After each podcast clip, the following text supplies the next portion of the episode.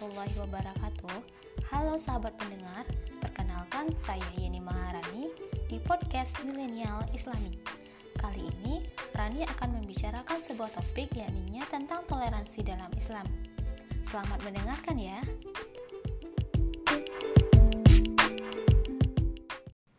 Indonesia merupakan negara yang memiliki keberagaman, baik itu bahasa, budaya, serta agama.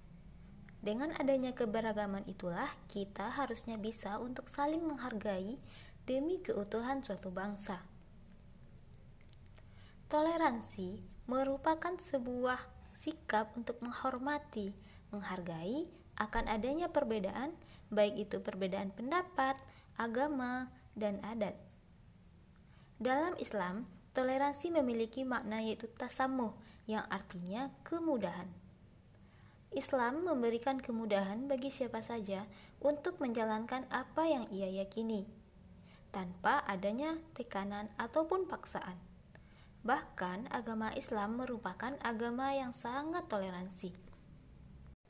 Hal tersebut sesuai dengan firman Allah Subhanahu wa Ta'ala dalam Al-Quran, yakninya Surat Al-Mumtanah ayat 8, yang artinya Allah tidak melarang kamu untuk berbuat baik dan berlaku adil terhadap orang-orang yang tiada memerangimu karena agama, dan tidak pula mengusir kamu dari negerimu. Sesungguhnya Allah menyukai orang-orang yang berlaku adil. Dalam Islam terdapat empat prinsip menurut Kardawi. Pertama, prinsip keragaman.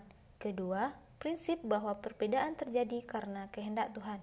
Yang ketiga, prinsip yang memandang manusia sebagai keluarga, dan yang keempat, prinsip kemuliaan manusia dari sisi kemanusiaannya. Toleransi dalam Al-Quran juga dijelaskan dalam surat Al-Kafirun ayat 6, yakninya lakum dinukum waliyadin, bagi kamu agamamu dan bagiku agamaku. Adapun manfaat toleransi dalam Islam adalah mempererat silaturahmi, menghindari perpecahan, melatih diri untuk saling menghormati dan menghargai, meningkatkan rasa persaudaraan, dan meningkatkan keimanan.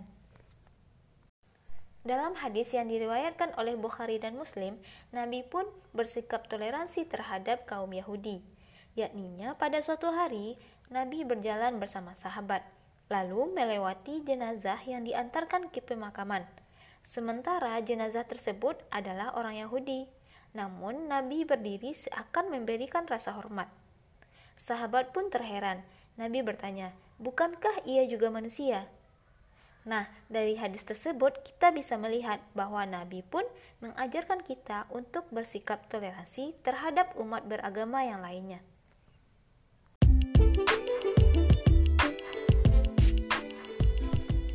Oleh karena itu, kita selaku umat Islam harus bisa mencontoh Nabi Muhammad SAW tentang toleransi umat beragama ini. Sekian dan terima kasih untuk semua pendengar. Buat kamu yang ingin mendengarkan bahasan seputar dunia Islam lainnya, sampai jumpa di episode selanjutnya. Wassalamualaikum warahmatullahi wabarakatuh.